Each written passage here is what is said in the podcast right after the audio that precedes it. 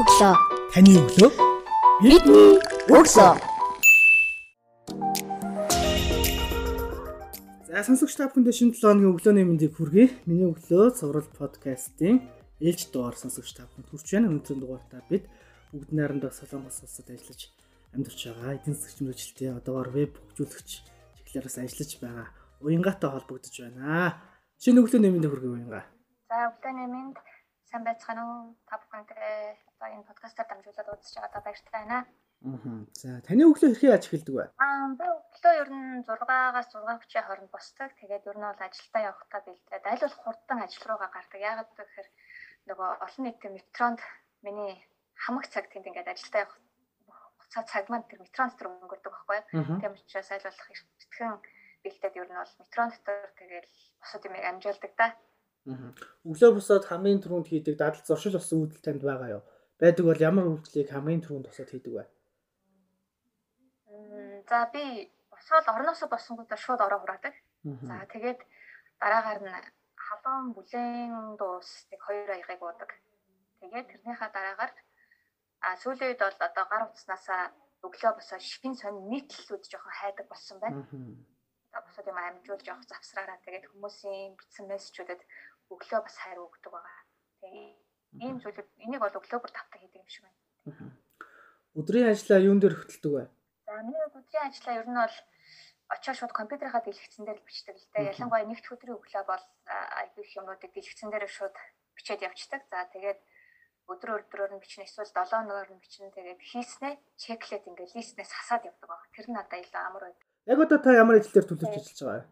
Яг одоо бол би нэг өсвөр залуучуудын төсөл шинээр санаачлаад ялангуяа солонгост байгаа өсвөр насныхан зориулаад нэг төсөл санаачлаад эхлүүлэхээр бэлтгэл ажилдаа ороод байж байгаа. Нь бол эхлэн яг эхлэнэ гэдэг бол 50% гүйцэтгэл гэж хэлдэг шүү дээ тийм ээ. Ер нь бол 50% тавьж байгаа. Тэгээд аа ажил дээрээ бол одоо сүүлийн үед одоо хит хитэн компани вебсайтн дээр засвар хийх одоо шинжилэлтүүд хийж кодн дээр нь ажиллаж байгаа.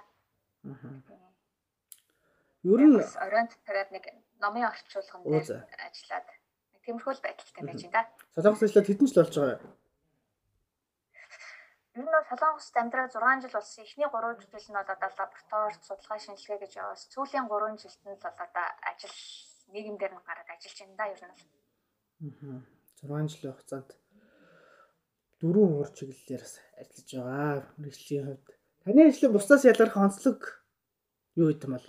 Аа, ер нь бол тэгээ график дизайн ч юм уу Японы кодер ер нь бол дандаа шинийг сэтэж те санаачилж хийх хэрэгтэй байдаг. Тэгээд миний хувьд болохоор аа, үргэлж шин нэмийг эрэлхийлж хайж авах хэрэгтэй бас тренд дагцдах хэрэгтэй гэсэн тийм онцлог байдсан болоо гэж би бас боддог.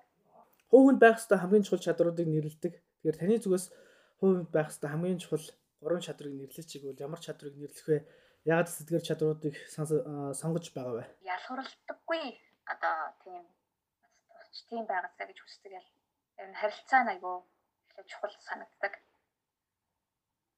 Тэгээд хоёрдугаарт илүү хөдөлмөрч тийм ээ ялангуяа залуучууд илүү хөдөлмөрч байгаасаа тухайн тий одоо техник технологич ер нь цаг үеэр мэдрээд би ямар төвшөнд байна гэдгийг харж чадаад за үүнийхээ дагуу өөрийгөө хөгжүүлж ажиллаж чаддаг. Нэгснээ хөгжил төвшилд айгүй тийм мэдрэг байхыг хэлж байгаа болов гэж бодож байна. Тэгээд ер нь ажилсаг байвал тэгэл юм болд юм дөө.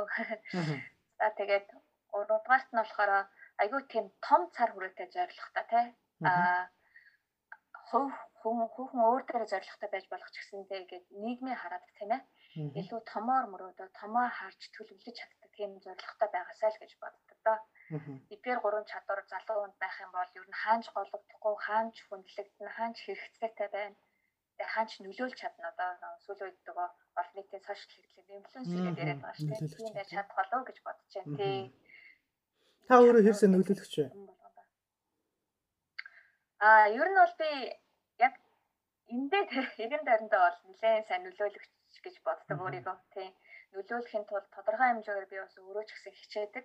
Тийм учраас үг хэл үйлдэл өдөр тутмын амьдралын одоо янз янзын зүйлсүүдтэй ч гэсэн айгүйх тийм цензуртай ханддаг байгаа. Яагаад гэвэл өсвөр үе дүүнөр маань те залуучууд маань бидний одоо миний мэдээллийг тийм ээ миний ингээд төр төрх байдлыг өдөр тутмын хэм маягийг харахтаа ямар ч фильтргүй хүлээж авч байгаа байхгүй юу? Аа тийм юун зөв юун буруу вэ гэд гэж мэдэхгүй тийм ээ. Тийм учраас аль болох жоохон болгоомжтой байгаад тэгээд сайн үлгэр дуурайл үзүүлж хянсан л гэж боддог доо. Хамгийн ихээр өөрөөрөө бахархаж явсан нэг түүхээ хуваалцаач. Өөрөөрөө бахархах мөч хүн болгонд бол тодорхой хугацааны давтамжтай тохиолдол. Тэгэхээр хамгийн сүүлд өөрөөрөө хизээ яаж ямар үйлийг хийж барахсан бэ? Аа яг хөө мэдээж янз янзын зүйл байна л да. Гэхдээ миний өөрөөрөө бахархсан тэр үйл явдал мэдээж хин нэгний оролцоо байсан учраас та би ганцаараа биш тийм ээ хин нэгний оролцоо байсан учраас тэр нь бас яг бүрэн гүйцэд болсон гэж бодож байгаа. Тэгээд би 2019 онд Солонгост 99% гээд айгуу том ивент хийсэн байгаа. Тэгээд мэдээж энэ тусалсан найзууд өнөр хамтарсан байгууллагууд байгаа. Тэгээд ер нь бол 130 гаруй хүнийг Солонгосын завгүй амьдралд ялангуяа амралтын өдөр ажил хийж илүү илүү цагийн мөнгө хийж авах боломжтой өдөр өглөө 9 цагаас орой 7 цаг хүртэл яг тэр суудлын дээр нь байлгаад ерөөсөө уйд авахгүй залхахгүй байна гэдэг бол миний хувьд тэр тухайн үед бидний хувьд те миний хувьд бидний хувьд маш том амжилт байсан байгаа. Тэгээ би тийм багийн хувьд бол тэгээд тэр үйл ажиллагаа дууссаны дараа би ингээ эндэрт гараад хүмүүс талах хэснаа илэрхийлэхдээ ингээ өөрөөхөө биднээс толмос гарч байсан. Гэхдээ энэ нь 100% миний ажил биш. Манай багийн ажил байсан. Тэгээд би маш багаараа те хүмүүсээрээ аяг бахархсан. Дандаа л тэг илүү цагаараа ажил хийдэг хөрхөн оюутан залуучууд байсан байгаа. Маш их бахархчихсан. Тэр үйл явдал үнэхээр сэтгэл төрсөн сүүлийн үед хамгийн өөрөөрөө бахархсан үйл явдлын нэг юм болоо да гэж бодож байна. Таны хувьд сэтгэл хөдлөл хэр өндөр хүн бэ? Хүлээж авахтаа болон илэрхийлэхтэй. Аа, хүлээж авахтаа айгүй өндөр хэрнээ. Илэрхийлэхтэй айгүй төвчин. Тэгсэн хүртлээсээ ганцаараа энэ тэнд бол жоохон гаргацдаг тал байгаа. Одоо шинэ амар сэтгэл хөдлөж байгаа төвшөж ганцаараа байхдаа гинт нүднээс нүлэмсэх гарах ч юм уу те. Гинт ингээ орлох ч юм уу. Тиймэрхүү ганцаараа жоохон ичдэг юм шиг. Тэгээ хүмүүсийн хажууд айгүй бие бэрээд айгүй тийм добрээ зарилж хийж байгаа л. Тэгэл өөр газар байхаар тэгэл жоохон биш. Сэтгэлээр унсан үед юм уу ганцаарцсан үедээ эсвэл нэг тодорхой нэг ажлыг амжуулахад саад бэрхшээл тулгарсан үедээ ер нь өөрийгөө яаж зоригжуулдаг вэ? Аа, ер нь бол тэмэрхүү зүйлсүүд ерөөл их тулгардаг тулгардаг л да. Гэтэ эхлээд зүгээр хийж байгаа юмнасаа тухайн нөхцөл байдлаа зүгээр л шууд зогсдог байгаа.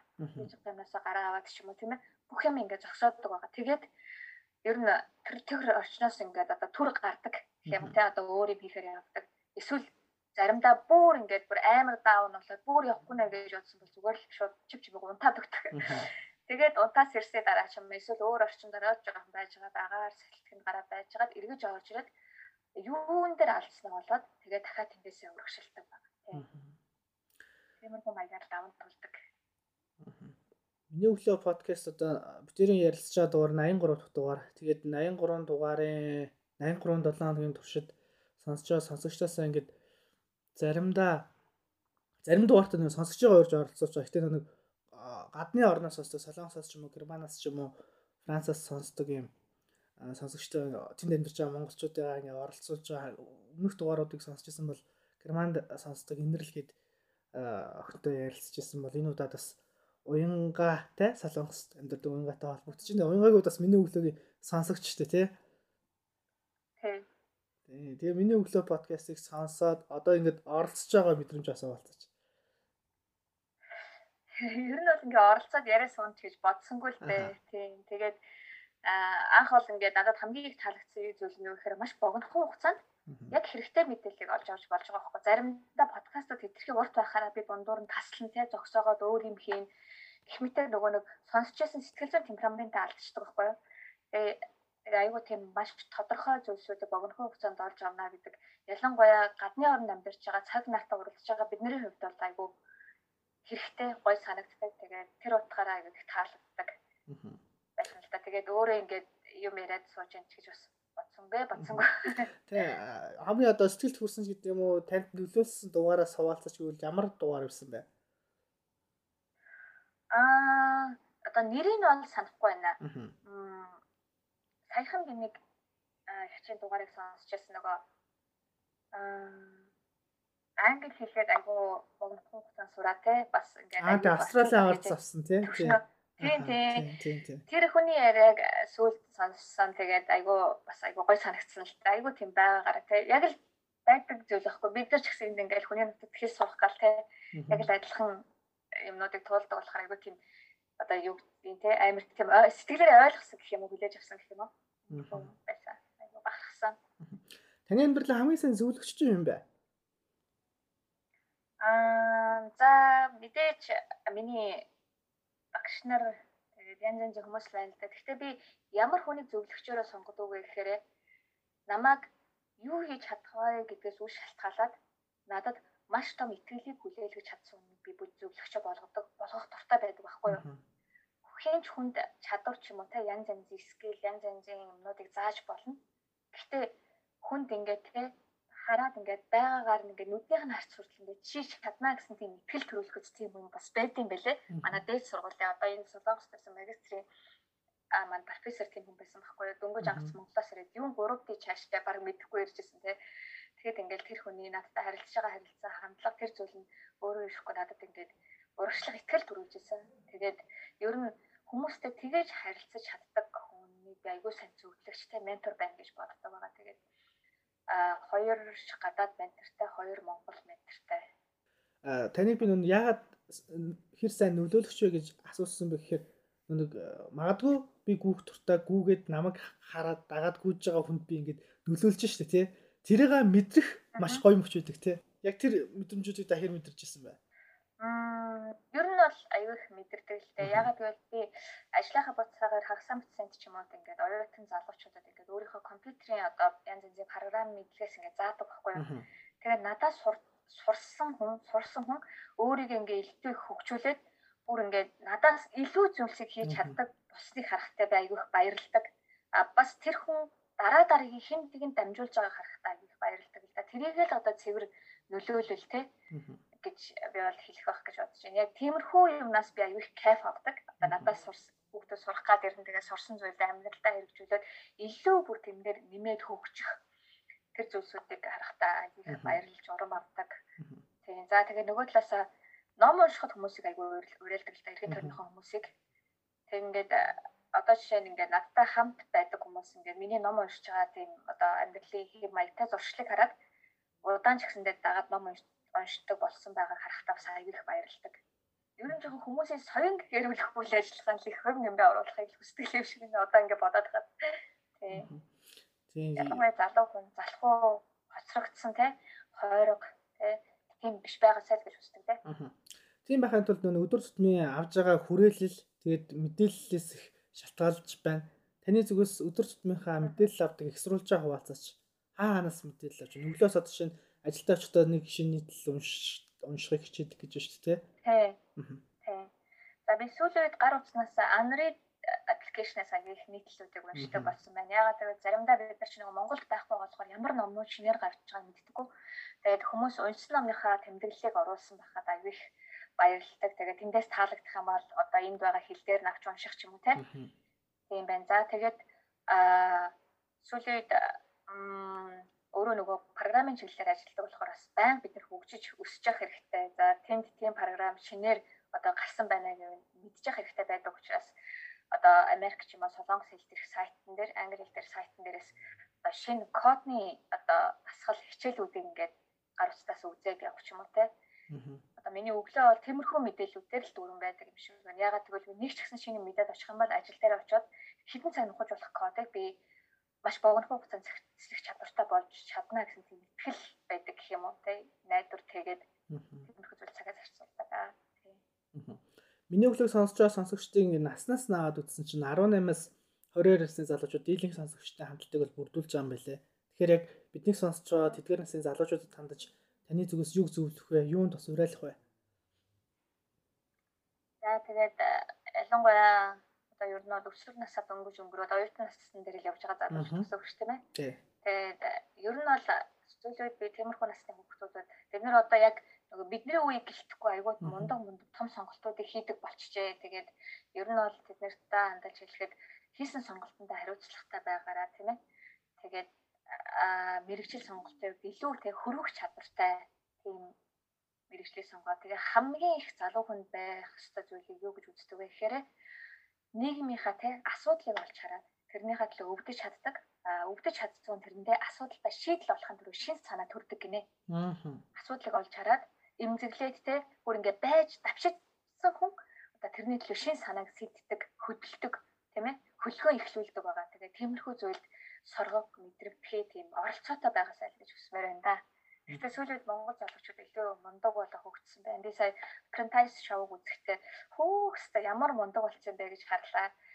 Тавлбай дээр шигсэж байгаа залуучуудыг харахтаа бас ингээл амар дотроос ингээ юм огшчаалаа шүү дээ. Нэг үе бодвол одоо энэ ста нөгөө 10 эдтэй 20 эдтэй дүүнер маань үнэхээр мундаг болсон байна. Энэ ирчээрээ тэгээд яваасаа л гэж хүсэж байна да. Ер нь бол тэгээд э, залуучууд маань ингээд өөрчлөлтөд хөгжиж байна гэдэг чинь бас улс орн маань илүү гэгээлэг те гоё зам руу явж байна л гэсэн үг л дээ. Тийм. Та бусдыг соён гээрүүлэх болоод ном унших үйлд уриалан дуудах хөхүүлэн дэмжих сонирхолтой гэж байгаа.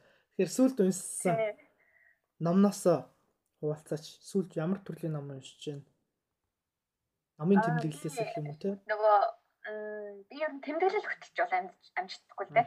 Гэхдээ зүгээр номон дээр бол зураад явждаг байгаа. Тэгээд сүүлд болохоор нөгөө story brand бүтээх нэгэд ном уншсан байгаа. Тэгээд яг нөгөө шин төсөл дээр ажиллаж байгаа гэдгсэн ш тийм ээ. Тэхийн тулд би яаж энэ төслийг яг эргэлгчийн гар дээр аваачих вэ тийм ээ? Яаж сонсогчдод хүргэх вэ? Яаж энийг ингээд удаан нутагшуулах уу гэдэг тал дээр их суралцахын тулд ер нь бол тэгэл контент гэдэг чинь өөрөө стори тийм үү?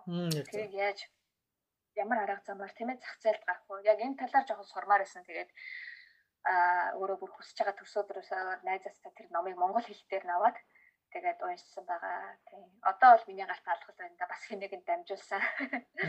Тийм.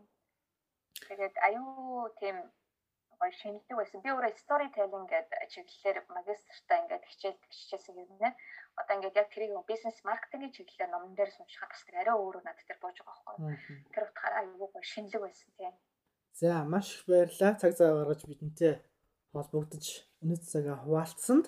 Тэгээд э, таны хэлдгээр яг бусад үлгэрлээ тэр хүн нь өөрөөс нь илүү лаг болоосаа гэдэг бодолтой олон залуучууд төрөөсөө манайхч нэг энэ надаас дээшээ гарчихгүй гэдэг энэ уламжлалт хандлага ард хоцорсон байна. Нэгэн ч гэсэн энээсээ илүү тод гэрэлтүүл тэрнийхээ амжилтыг харж алгадаж чаддаг, тэрийг урамшуулж чаддаг тийм залуучууд илүү олон байгаасай гэж бодож байна. Тэгээд танд маш их баярлалаа цаашдын ажил амжилт хүсье. Тэгээд подкастын төгсөлд бас зочин болгон сонсогчдоо нэгэнд эрг өөрчлөлт авчрах, уриалга дэвшүүлдэг. Таны зүгээс юуг уриалах вэ? За тэгээд би биенийхээ ялгаатай байдлыг бүлээн зөвшөөрөөл гэж уриалмаар байна да. Танд нормал хэвийн садангаж байгаа зүйл хэн нэгэнд тийм ээ хэвийн биш байж болно тийм үү? А миний хувьд хэвийн нормал байдаг зүйл маань өөр хэн нэгэнд хэвийн бос байж болно. Тэгээ энэ зүйлийг хүлээн зөвшөөрөөд явах юм бол бид нар ийм нэглэлтэйгээр ямар ч амжилтанд хүрч чаднаа л гэж бодож байна. Тэгээ тиймэрхүү зүйлээр илүү гоё нэлээтэй байгаасаа гэж хүсэж байна. За маш их баярлалаа таны цаашдын ажилд амжилт хүсье. За баярлалаа. Thank you.